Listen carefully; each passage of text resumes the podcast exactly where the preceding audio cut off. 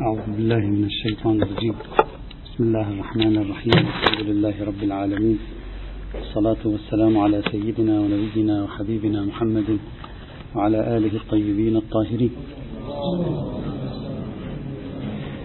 كان كلامنا في قرائن نفي العلة المدارية. بعد أن قلنا بأن مقتضى الأصل الاستظهاري عند العرف في التعليل أن تكون العلة الواقعة في الجملة التعليلية يدور الحكم مدارها وجودا وعدما.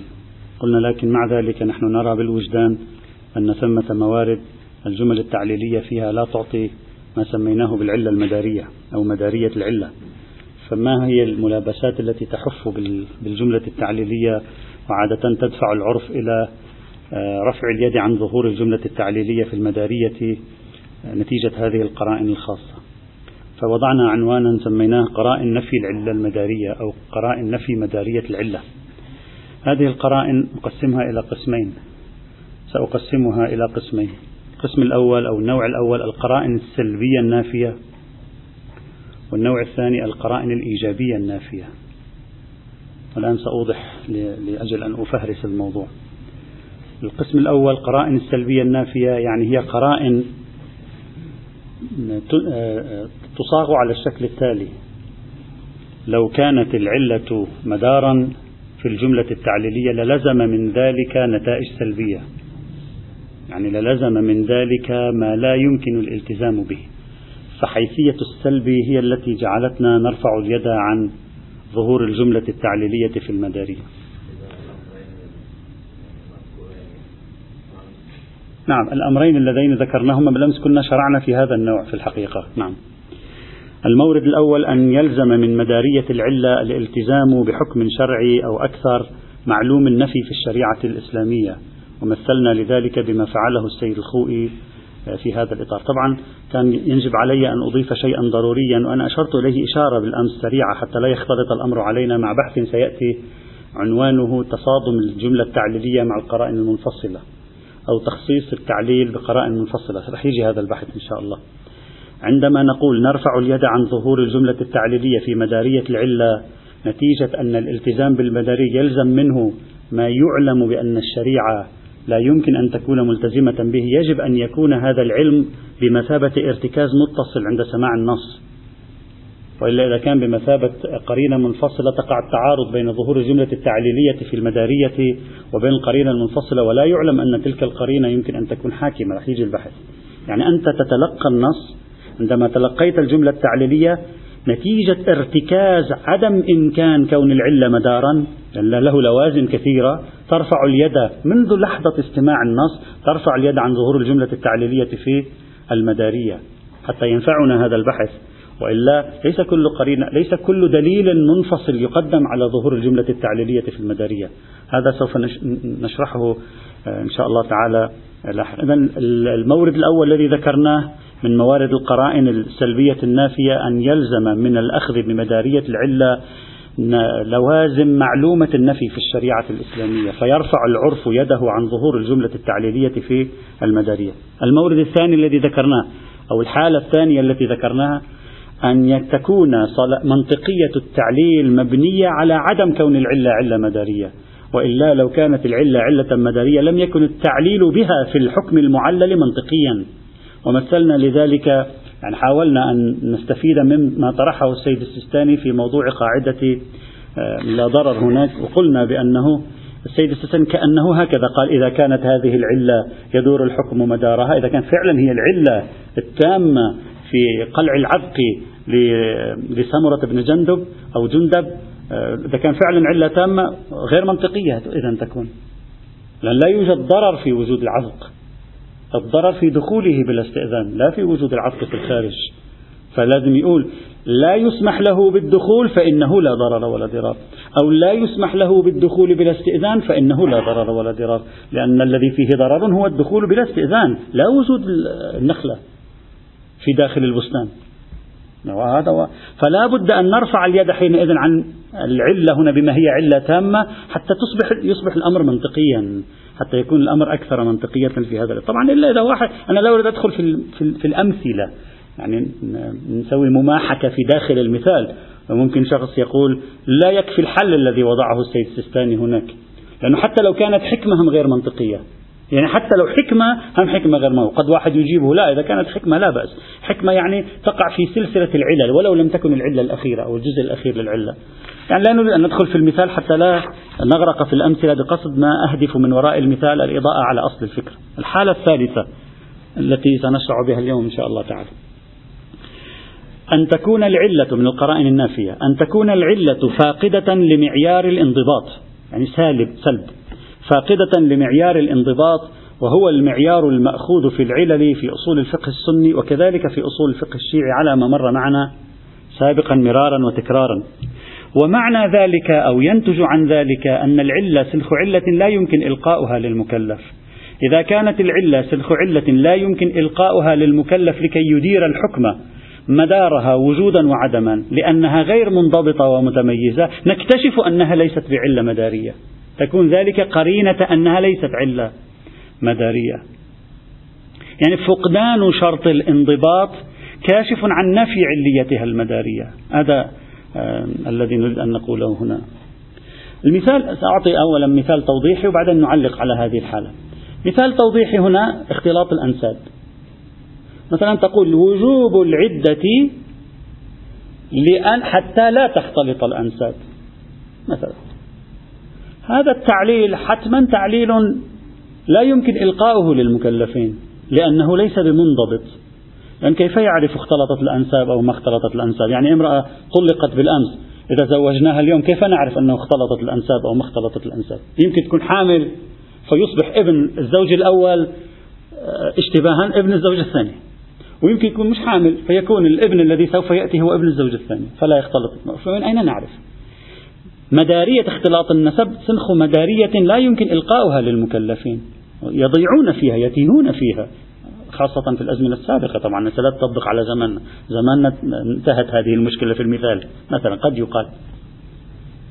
وبناء عليه نكتشف من تعليل الرواية إذا فرضنا في رواية هكذا نكتشف من تعليل الرواية وجوب العدة بعدم اختلاط الأنساب نكتشف أن عدم اختلاط الأنساب ليس علة مدارية.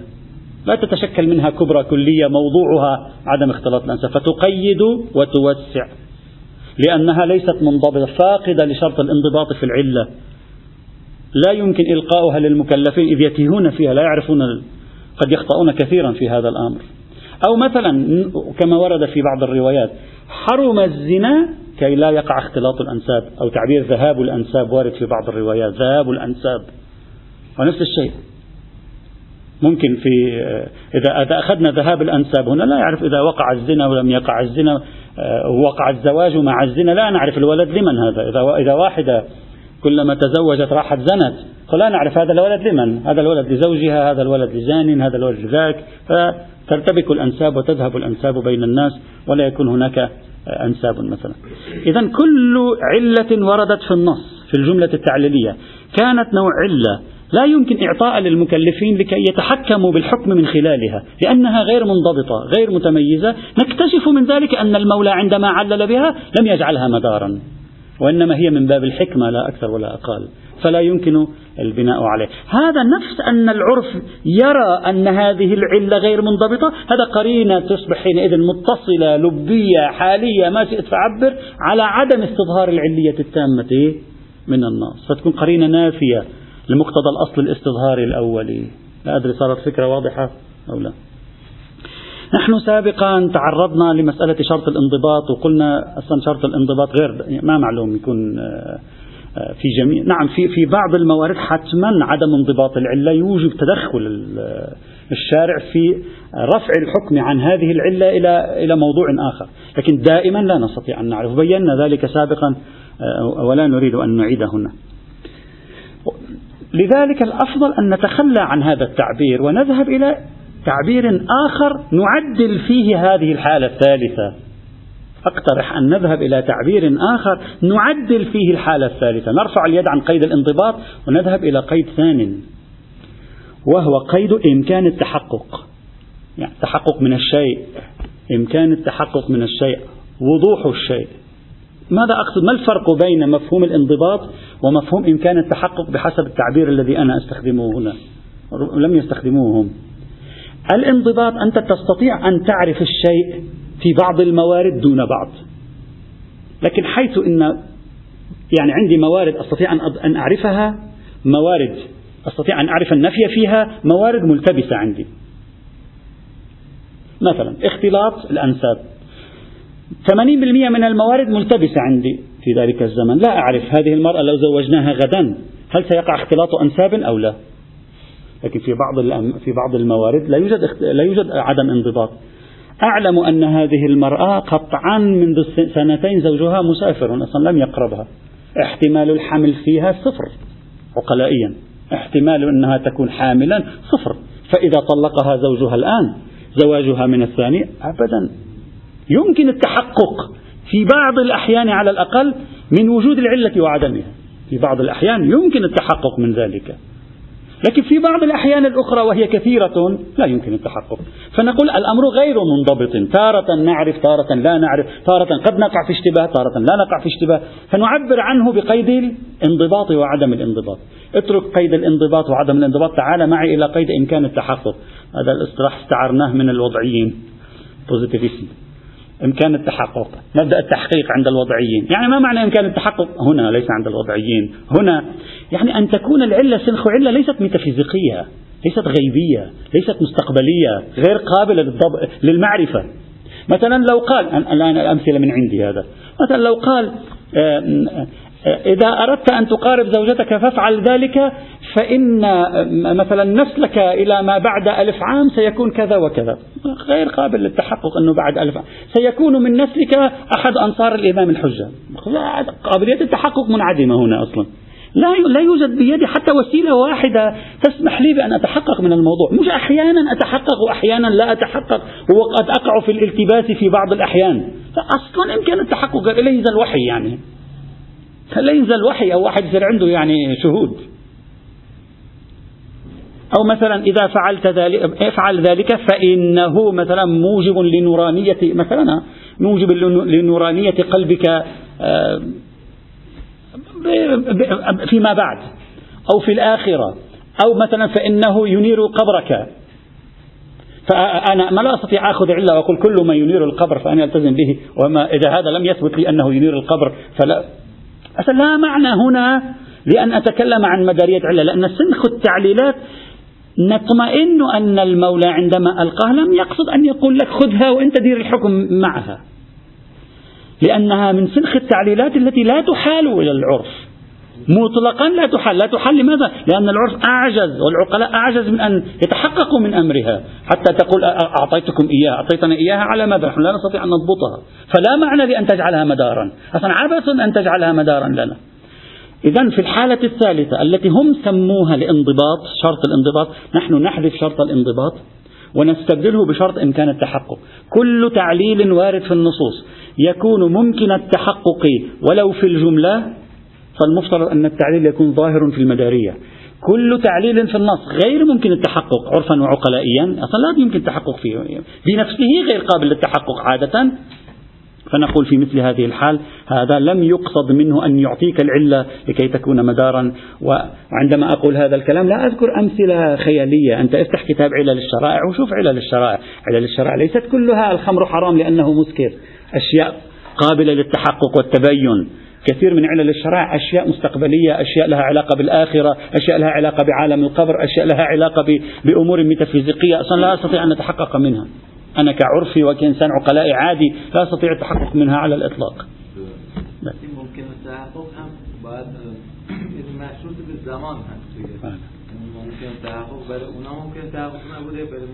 هم لا بأس. هذا في قيد الانضباط ذكرناه سابقا. حتى في قيد الانضباط قلنا ممكن يكون اختلاط الأنساب بالنسبة إليهم غير منضبط بالنسبة إلينا منضبط. يتغير الحال ما في مشكلة. الخطاب هذا الخطاب حينئذ نقول عندما ألقي هناك في ظرفه الزماني لا يمكن أن يريد منه المدارية لأنه غير قابل غير قابل للتحقق يعني لا يمكن معرفته. نعم هذا أقصد من غير قابل. مش أنه أحيانا أعرف أحيانا لا أعرف. مش أنه غير قابل للتحقق مطلقا. الإطلاق هنا لغير وليس للتحقق. انضباط؟ الفرق بينهما أن المولى يمكن لأمر قابل لأن أتعرف عليه في الجملة أن يحيلني عليه. ويقول كلما تأكدت من عدم اختلاط الأنساب فلتتزوج هذه المرأة. لا بأس. ويحيل إلى يقيني. وفي الجملة أنا يمكنني أن أتيقن. وفي الجملة يقيني يصيب. يعني قابل للتحقق. قابل, قابل لأن أتحقق من الأمر. هذا في الانضباط. ولا مانع من ذلك. ذكرنا سابقا قلنا أحيانا المولى. نحن في الفقه الآن. كثير من الأمور تحال إلى العرف. وقابلية الانضباط فيها غير واضحة. ذكرنا أمثلة على ذلك فيما مضى. هذه ثلاثة حالات أكتفي بها لما سميته بالقرائن النافية لمدارية العلة. قرائن نافية أولا أن يلزم من مدارية العلة ثبوت أحكام يعلم قطعا أنها غير ثابتة في الشرع.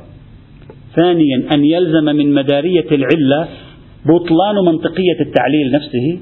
ثالثا أن يلزم من مدارية العلة أن يلزم من مدارية العلة جعل غير المنضبط علة وهذا محال. نحن غيرنا جعل غير المنضبط علة هذا محال. جعل غير المتحق غير الممكن التحقق منه علة وهذا محال. فلاحظ أن ثلاث حالات فيها عنصر سلب. من خلال لازم باطل تال فاسد أنا أستكشف أن العلة ليست مدارا هنا. نجي للنوع الثاني القرائن الإيجابية النافية. يعني قرائن ليست هيك من من سنخ لو لزم منه لزم محال فإذا لا. هذا التعبير لا, لا يوجد. لا قرائن إيجابية. القرائن الإيجابية سأقسمها إلى قسمين بحسب الترتيب الذي رسمته وحسب مستوى يعني عدد القرائن التي قمت بجمعها. قرائن آه، مضمونية وقرائن لفظية. يعني عندي قرائن في المضمون. تعطيني مؤشر أن العلة ليست مدارا. وفي عندي قرائن في البنية اللفظية في مؤشرات لفظية في التركيب جملة تعليلية لكن مؤشرات لفظية في التركيب تعطيني دلالة على أن العلة ليست مدارا هنا. نبدأ بقرائن المضمون. وسأذكر أيضا عينات كما ذكرت هناك. العينة الأولى أن تكون العلة صادقة في أغلب الموارد لا في جميع الموارد. أن تكون العلة صادقة في أغلب الموارد لا في جميع الموارد. يعني العلة تصدق لكن لا تصدق في جميع الموارد. وسأعطي مثال واقعي موجود. مثلا أولا أعطي مثال فرضي وبعدين نروح إلى مثال واقعي.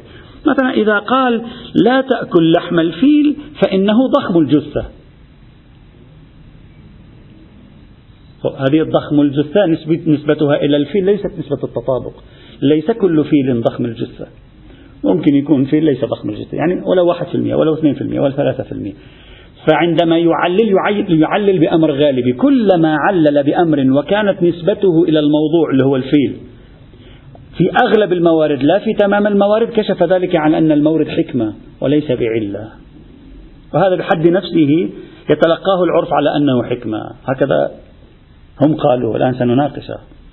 سأعطي مثالا واقعيا. الميرزا النائيني رحمة الله تعالى عليه في قاعدة الفراغ ميرزا النائيني في قاعدة الفراغ مر معنا بالأمس أو أول أمس تعليل. فإنك يعني حين الفعل أذكر منك أذكر منك عند بعد الفراغ.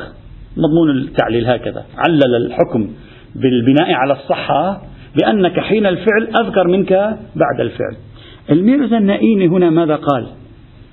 قال وللمنع عن كونه علة للحكم مجال. قال هذه ليست علة. طيب شو المشكلة إذا كانت علة. لماذا ليست علة؟ ما الخصوصية القائمة في هذه العلة التي تمنع أن تكون علة مدارية بحسب اصطلاحنا؟ قال بل لا يبعد أن يكون لبيان حكمة التشريع. ليش؟ لأن الغالب لاحظ استخدم مفهوم الغلبة لأن الغالب كون المكلف حين العمل أذكر منه حين الشك. فالتعليل ورد مورد الغالب وفي مثله لا يستفاد منه الكبرى الكلية. فتأمل جيدا. هذه تأمل جيدا منه وليس منه يعني تأمل جيدا كأنما يريد أن يشير لك إلى كلية قاعدة. لذلك نحن من خلال مثاله خرجنا بتقعيد. قلنا القاعدة بناء على ظاهر عبارة الميرزا النائيني هكذا. كلما كانت نسبة العلة إلى الموضوع. نسبة الأمر الذي يجري في غالب أفراد الموضوع لا في تمام أفراده كان ذلك بمثابة الحكمة وليس بمثابة العلة. هكذا ادعى الميرزا النائيني رحمة الله تعالى عليه. ويبدو لي قبل أن نبدأ بمناقشة كلامه يبدو لي أن الميرزا النائيني أخذ التعليل بمثابة قيد. يعني التعليل في الجملة التعليلية هو في قوة قيد. والقيود التي تبين الحالات الغالبة إذا تذكرون ذكروا هناك أنها محمولة على الغلبة ليست قيدا حقيقة. يعني لا يدور الحكم مدارا مثلا وربائبكم اللاتي في حجوركم من نسائكم اللاتي دخلتم بهن. قال هذه الربيبة التي في في بيتك هذا عنوان التي في بيتك في بيتك قيد غالبي.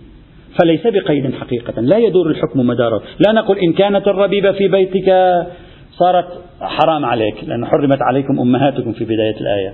وإن كانت الربيبة خارج بيتك فإنها حلال عليك. الفقهاء قالوا لا نقول. لماذا؟ لأن القيد قيد غالبي فلا يحمل على التقييد الحقيقي. كأني بالميرزا النائيني رحمة الله تعالى عليه اعتبر التعليل بمثابة قوة القيد. هو عملية تقييد للحكم. يعني عملية رابط للحكم بالعلة. فإن كانت العلة غالبية حمل ذلك على مجرد بيان حال الغلبة. لا على أنه قيد يدور الحكم مداره يؤخذ في موضوع الحكم. كأني به ذا يعني حتى نحاول أن نفسر كلامه أو مثلا سيد الخوئي في الدليل على شرطية الذكورة في مرجع التقليد جاء بدليل ذكره من تقدم عنه وهو مقبولة عمر بن حنظلة وأمثالها. انظروا إلى رجل منكم. عرف إلى آخره حلالنا وحرامنا. يقول رجل هنا تدل على شرط الذكورة. لذلك استدلوا بهذه الرواية على اشتراط الذكورة في مرجع التقليد. سيد الخوئي ناقشهم إذا تذكرون. قال لهم سيد الخوئي كلمة رجل هنا وردت مورد الغالب. يعني لغلبة الفقهاء الرجال. ورد مورد الغالب هذا. ليس مقصودا بذاته. يعني لا تتشبثن به. وتقول آه جاءت كلمة رجل وبالتالي إذا جاءت كلمة رجل يعني آه لابد أن المولى يريد رجل. يا أخي المولى يريد رجل لأنه عادة رجال الفقهاء. فقال انظر إلى رجل منكم. مثل أنت الآن تقول انظر إلى واحد مثلا آه، من الإخوة مثلا لديه علم وادرس عنده. لأنه عادة نسبة أن تجد امرأة تدرس رجل نسبة واحد بالألف مثلا. فالتعبير يستخدم على سياق الغلبة مثلا. ميرزا النائيني هكذا فهم هنا على ما يبدو لي. فجعل التعليل تعليلا بأمر غالبي ليس لتقييد الحكم بالتعليل وإنما للإشارة إلى كثرة ورود الحكم في هذا المورد. وهذا أشبه ببيان حكمة الحكم أو ببيان مؤشر على الحكم لا أكثر ولا أقل. إلا أن كلام المحقق النائيني هنا غير واضح لي. إذ لو صح كلام المحقق النائيني في مثل هذه الحال يلزم من ذلك بطلان وجود علة تخصص. كلمة العلة تعمم وتخصص لا يصبح لها معنى كلمة تخصص. مع أن الميرزا النائمي إذا تذكرون لما شرحنا نظريته بالتفصيل قبل هناك عندما تتحقق الشروط قبل هناك أن العلة تعمم وتخصص. قبل بمفهوم الجملة التعليلية.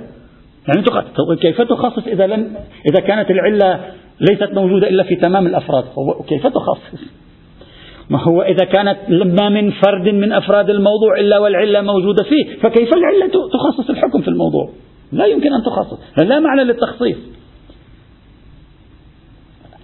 طبعا هذا ليس بإشكال هذا إشكال نقضي قد يقول لك الميزانية أي نعم أنا لا أقبل بتخصيص العلة لأنه لا موضوع عندي أصلا لتخصيص العلة إذ إنني أشترط هذا الشرط. مثلا لكن هذا إشكال نقضي للمماحكة والمشاكسة لا أكثر ولا أقل. والإشكال الحلي على كلام الميرزا النائيني أن هذا الشرط الذي ذكره لا دليل عليه ولا العرف يفهم شيء من ذلك. إذا قال لك الخمر حرام لأنها مسكر العرف يفهم أنه العلة هي إسكار الخمر وإن كان واحد بالمئة من أفراد الخمر ليست مسكرة. ويفهم أن الحكم يدور مدار الإسكار.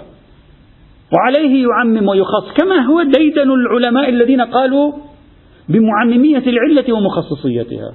كلهم فهموا من النصوص المدارية العلة وأعملوا التخصيص من خلال مدارية العلة. ولم يجدوا في وجدانهم العرف شيئا من الاستحالة أو القرينية مثلا في مثل هذه الحال.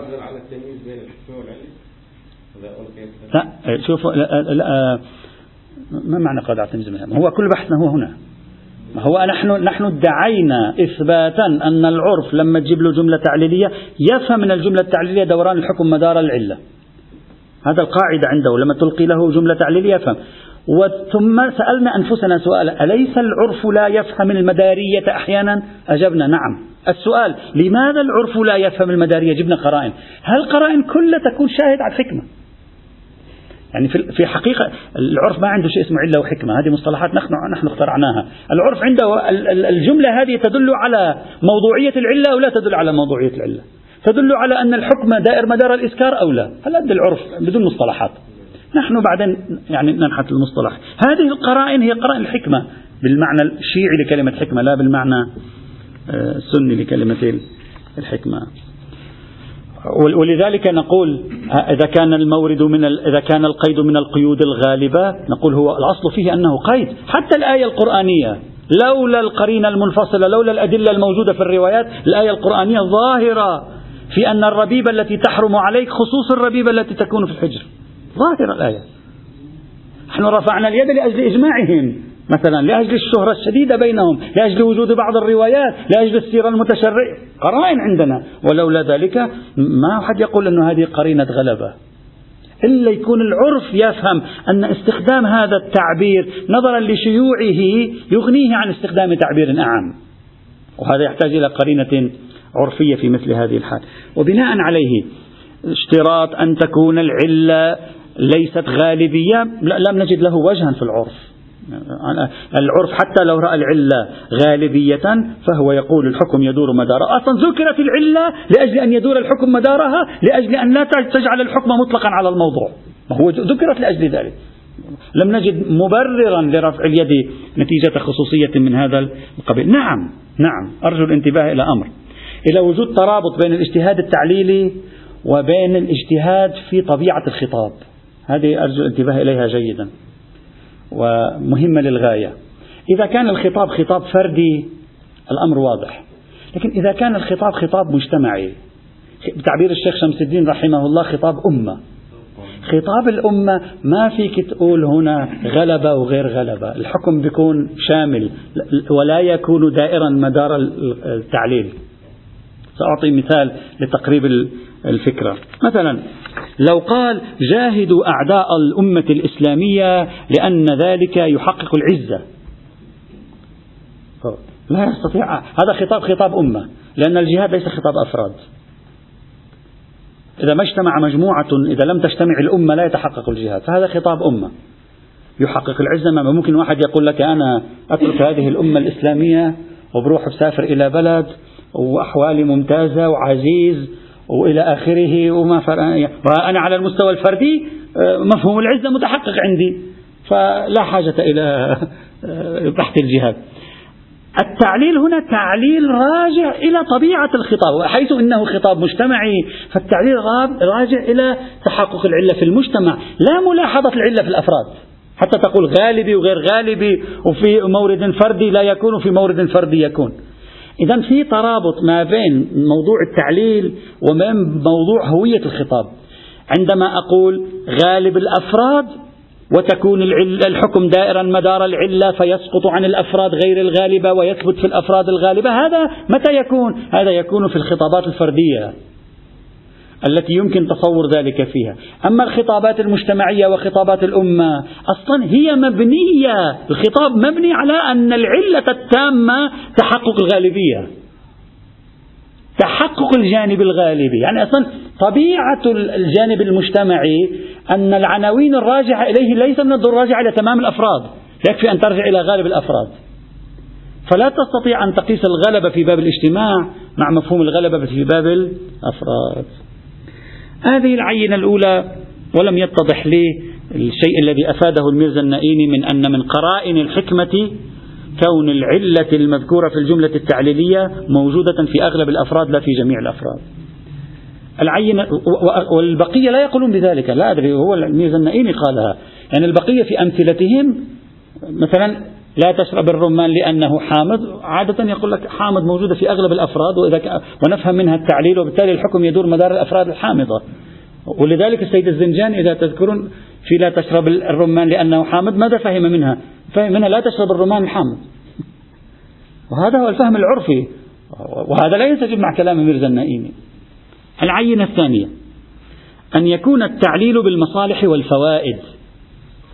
فيكون قرين على أن العلة ليست مدارا بل هي حكمة. أن يكون التعليل تعليل بالمصالح والفوائد وليس بعناوين. ما معنى هذه الفكرة؟ يعني إذا إجت رواية قالت مثلا اتركوا الأمر الفلاني فإنه مثلا آه، يورث الفقر.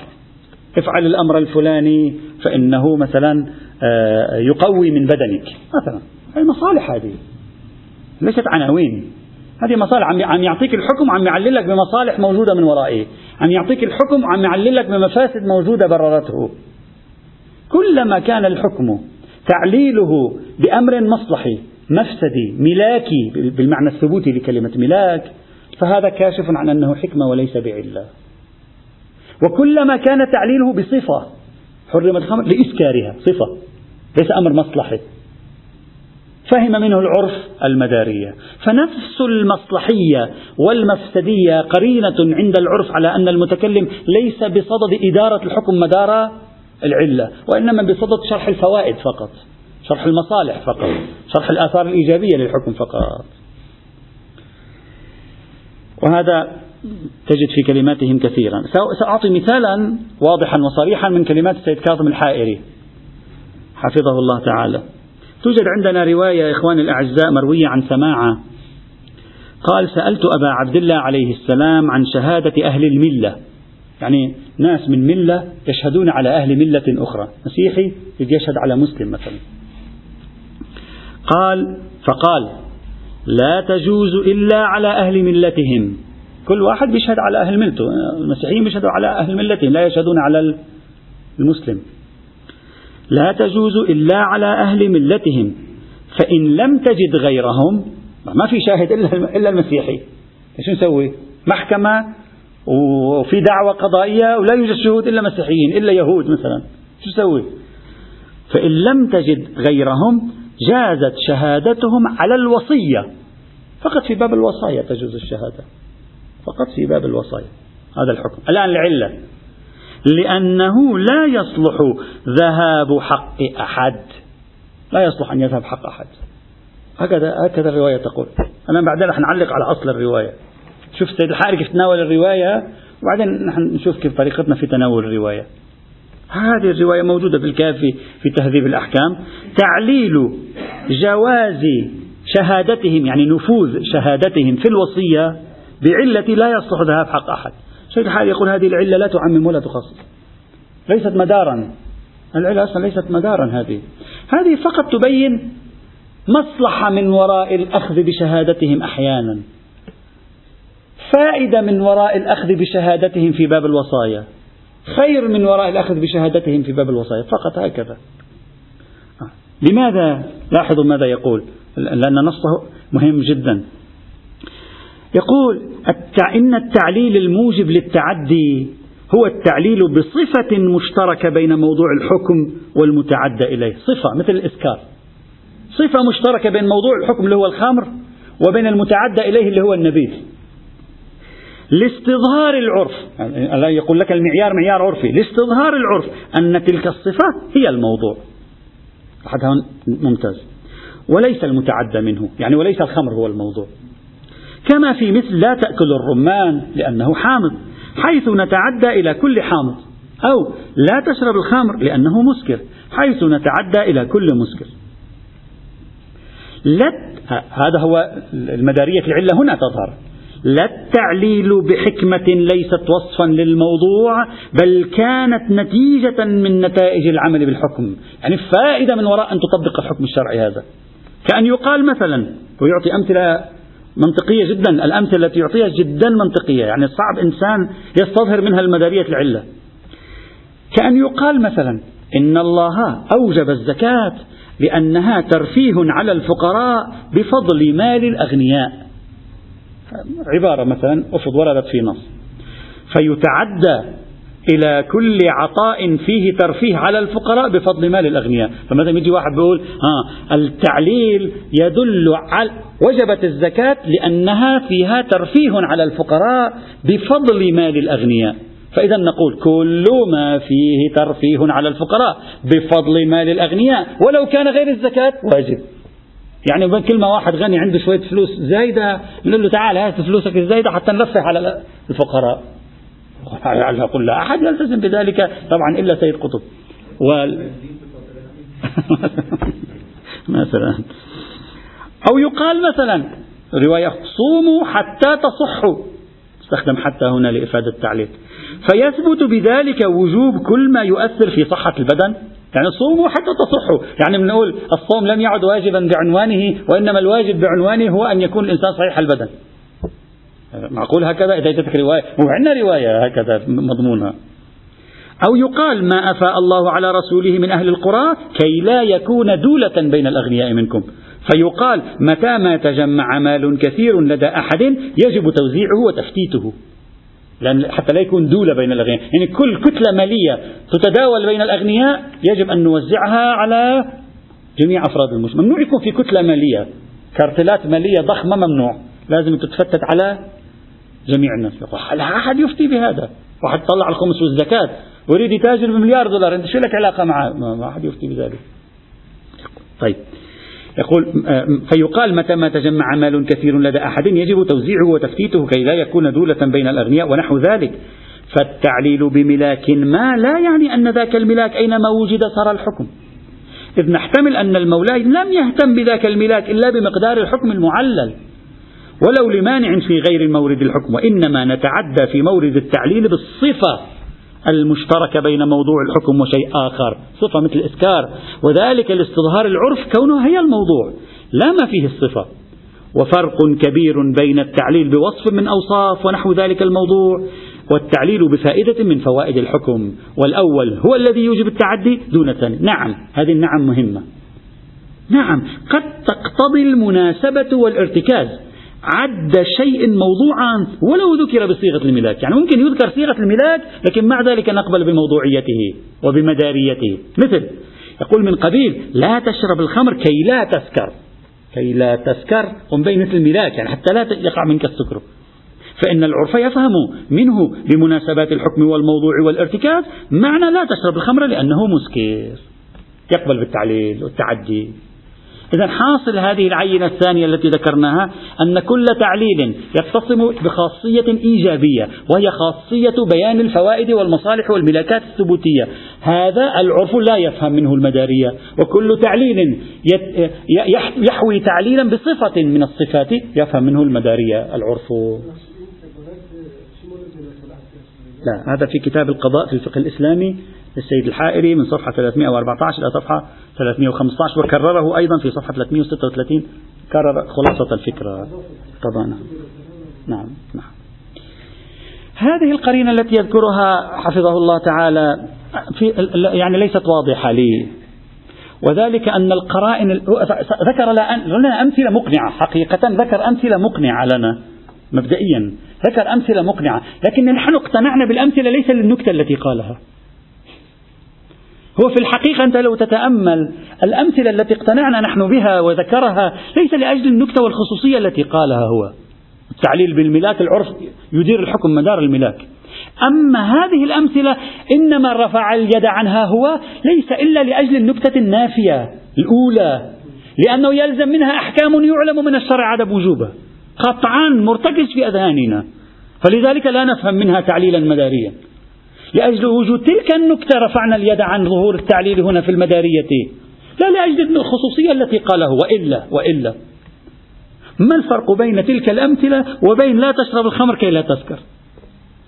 أي ارتكاز ومناسبة حكم موضوع هنا وين؟ جبني شو المناسبة حكم؟ شو المناسبات في الخمر؟ إذا كانت كي لا تسكر بيان للملاك والفوائد والمصالح. ما المنا... لا توجد مناسبات. هو جاء بكلمة المناسبة والارتكاز. إنما قبلنا هنا لأنه لا يوجد محظور من جعل العلة دائرة من الحكم يدور مدار. لأنه ما في محظور لأنه يتوافق مع الفتوى الفقهية. لا نعلم من الشرع بطلانها. نفس الذيل الذي أتى به سبحان الله نفس الذيل الذي استثنى منه فقال نعم كذا وكذا. نفسه شاهد على ما ندعي أن العرف لا فرق عنده في اللسان بين أن تكون العلة علة ملاكية وأن تكون العلة علة صفتية. واحد. وإنما هناك رفعنا يدنا ولم نقبل بذلك لما نعلمه بالقرينة المتصلة الارتكازية من استحالة أن يجعل الشرع الملاك هو مدار هنا. هذا الذي جعلنا لا نفهم المدارية في التعليل. لا وجود شيء خاص اسمه الملكية بما هي ملكية ليست معيارا عند العرف. هذا ادعائي. العرف إذا بتعلل له حتى لو عللت له بالملاك يمكن أن يجعل الحكم دائرا مدار الملاك ما ما العرف لا يلتفت إلى قضية الملاك. العرف يلتفت إلى أن الأخذ بمدارية هذا الملاك. هل, يل هل عندي قرينة ارتكازية متصلة تجعل من المستحيل أن يكون الشرع يريد مدارية هذا الملاك أو لا؟ إذا كان بحسب بناء الفقه ارتكاز متصل يمنع من ذلك؟ آه نعم أرفع اليد. هذا قرينة متصلة لبية تكون ارتكازية. وإلا العرف حتى الملاكات هم يقبلوا شو المشكلة؟ يعني صوموا حتى تصحوا. اترك الارتكازات الموجودة عندك. صوموا لأن في الصوم الصحة. نعم العرف يفهم الشارع يريد أن يكون بدننا صحيحا. وأن الحكم جاء لأجل وجوب تحصيل صحة الأبدان. وأنني بإمكاني أن أعمم وجوب الصحة إلى أي شيء آخر. يعني أقول له افطر حتى تصح عندما يكون الإفطار موجبا للصحة عنده. لولا أنني في باب الصوم عندي ارتكاز يمنعني من مثل هذه النتيجة ما كان في مشكلة. العرف بما هو قارئ للنص بما هو مستظهر لغوي لا بما هو فقيه الآن. يدخل القرائن الفقهية بعلته وأما الرواية التي قالها وذكرها حفظه الله تعالى أصلا الرواية في رأيي يجب أن تقرأ بقراءة ثانية. يجب أن تقرأ بنقد متني. لازم نقرأها بقراءة نقدية أصلا. لا أريد أن أعطي رأيي في الرواية لكن أنت اقرأ مع الرواية وشو الرواية معقولة هذه الرواية للوهلة الأولى. يقول له لا يجوز إلا على أهل ملتهم الشهادة فإن لم تجد غيرهم جازت شهادتهم في الوصية. يابا ليش جازت شهادتهم في الوصية؟ يعطيك علة. لأنه لا يصلح ذهاب حق أحد. بالله عليك. ما كل باب الشهادات هو لا يصلح ذهاب حق أحد. لا هو أصلا باب الشهادة إنما جعل لأي أصلا الناس تتنازع على ماذا؟ على الحقوق. الناس إنما تتنازع في 90% من موارد الشهادات هي شهادات حقوق. فأن يقول لأنه لا يصلح ذهاب حق أحد أول سؤال لازم كان يسأله إياه سماعة يقول له إذا كان لا يصلح ذهاب حق أحد في كل المنازعات البيع والشراء والنكاح والإرث و و و و لماذا لم تقل إلا الوصية؟ نعم في باب الشهادة على الزنا ممكن وإن كان الشهادة على الزنا هم أيضا يعني ممكن في بعض موارد الزنا كالاغتصاب هم يحصل لأنه ذهاب حق أحد أيضا. فأقول أقول بما أنه طبيعة التعليل غير العرف إذا قرأ هذا النص يراه غير منطقي. فإما نقول نمارس نقدا متنيا على هذه الرواية ونقول هذه الرواية هذا هذا المتن ركيك لا نثق به. يعني غير منطق التعليل. بهذه اللغة نعلل بهذا الحكم لأنه لو كانت هذه علة فالإنسان يفهم حجية شهادة أهل الملل في جميع حقوق الناس. وإلا هذا التعليل لا معنى له. أو يكون نفس هذا الكلام الذي نقوله الآن قرينة على أن المتكلم لا يريد بيان علة هنا وإنما يريد بيان حكمة لا ما قاله السيد الحائري من نكتة المصلحة.